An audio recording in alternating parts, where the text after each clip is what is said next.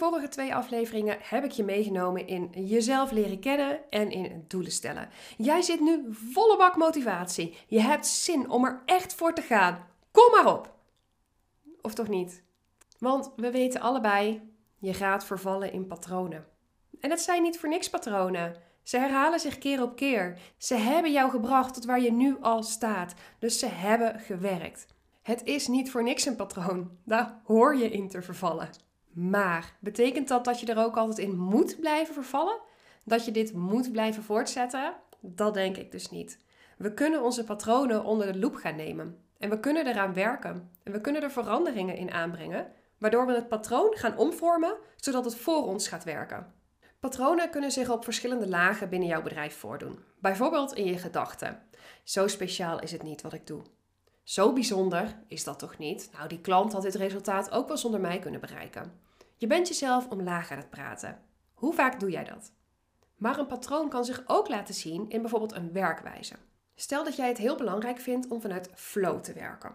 En dat jij daarom zegt: ik ga mijn content voor social media niet inplannen. Want ik wil uit flow werken. En als ik ga inplannen, haal ik de flow eruit. Ik nodig je uit om die overtuiging eens onder de loep te nemen. Ik heb dat gehad met een klant. Zij gaf aan: nee, ik plan mijn content niet. Als ik geïnspireerd ben, dan plaats ik op dat moment heel veel. Als ik even geen inspiratie heb, of geen puff, geen zin heb, plaats ik niks. Daardoor was consistentie voor haar een dingetje. Ik daagde haar uit. Ga het eens proberen. Als je in de flow zit, ga dan je content creëren. En dan plan je het in om te laten plaatsen op verschillende momenten gedurende de week. Je hoeft niet, als jij nu heel veel inspiratie hebt, ook nu alles de wereld in te slingeren. Als het maken van die content is gedaan in een status van flow, kan het daarna gewoon ingezet worden. En dan haal je echt geen flow eruit. Wat je er wel mee doet, is jouzelf de headspace geven en de ruimte geven om gedurende de week, weken, aan de slag te kunnen met andere zaken binnen jouw bedrijf. En deze klant van mij, die ging dus inderdaad aan de slag met content plannen. En wat ze ervaarde was, wauw, wat een rust. Wat geeft dit een overzicht? Wat is dit relaxed? En ze schrijft nu, als ze geïnspireerd is, als ze in de flow zit, dan plant ze het in en dan plant ze zo een week of drie, vier vooruit al haar posts in. En dat betekent dat ze dus die tijd gedurende de week kan besteden, bijvoorbeeld aan het ontwikkelen van een online cursus, wat ze heeft gedaan in een week of twee à drie. Want ze had de headspace daarvoor en ondertussen werkte ze consistent aan haar zichtbaarheid op social media.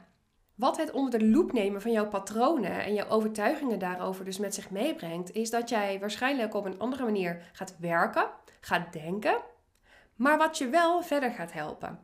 En dan kun je zeggen, ja, ik heb het nooit gedaan. Ja, maar is dat dan een reden om het dan ook nooit te gaan doen? Je wilt toch ontwikkelen. Je wilt toch verder. Je wilt toch een volgend niveau bereiken. Je wilt door dat plafond heen breken. Wat moet je daarvoor doen? Ja, iets anders dan wat je normaal gesproken deed. En ik snap dat dat oncomfortabel kan zijn. En ik begrijp dat dat wat weerstand kan oproepen. Maar het is wel van belang om je te realiseren waar doe je het voor? Waarom wil jij dit zo graag? als ik even terugga naar dat voorbeeld over die contentcreatie. Je wil waarschijnlijk, ga ik even vanuit, consistent zichtbaar zijn voor jouw potentiële klanten. Zodat als jij iets gaat verkopen, dat jij daar niet mee zo out of the blue komt. dat mensen jou al wel een beetje kennen. Maar wat nu als jij dus gedurende de hele week altijd maar bezig bent met ik zou iets moeten schrijven, ik zou iets moeten plaatsen. En dan probeert ja, in een flow te komen om iets te kunnen plaatsen. Als het niet lukt, ben je teleurgesteld, voel je je down, denk je ja, waar ben ik nou mee bezig? En in die end heb je dus en geen zichtbaarheid en je bent niet aan je aanbod aan het werken. Want het enige wat je aan het doen bent, is jezelf opvreten en jezelf in het teleurstellen. Terwijl als je dus bereid bent om dat patroon te gaan wijzigen, kunnen er zoveel mooie nieuwe andere dingen gaan gebeuren. En het onder de loep nemen van patronen en al de eerste kleine wijzigingen daar wellicht in aanbrengen, puur door de bewustwording. Want alles begint natuurlijk bij bewustwording en bij erkenning van, oh, dit is wat er gebeurt. Door daarmee te beginnen in deze derde stap van de Head to Reality methode, gaan we dus kijken naar jouw patronen. Zijn ze helpend, ja of nee? Wat zou handiger zijn? Wat zou praktischer zijn? En dan is het niet dat jij direct van de een op de andere dag alles moet omgooien. Maar dit is wat ik zeg, dit is die bewustwordingsfase. En dat is ontzettend belangrijk. We zitten met deze derde stap namelijk ook nog aan de het-fase, aan de hoofdfase. Inzicht krijgen in wat gebeurt er allemaal in dat hoofd van ons? Ja, ontzettend veel. Ik heb niet de illusie dat we het brein tot in het mini kleinste detail kunnen gaan ontleden. Want volgens mij zelfs hersenexperts kunnen dat niet. Er zijn boeken over volgeschreven. Maar we gaan jou zelf leren kennen, zodat dat bij kan dragen, dat dat een basis kan vormen, een fundament kan vormen, waarop jij vervolgens in de actiefase heel goed op voor kunt gaan bouwen. Maar kunnen we nu, als we ook de patronen inzichtelijk hebben gebracht, in de actiefase jumpen? Nee, dat gaat nog niet. Daar moet namelijk nog iets tussen.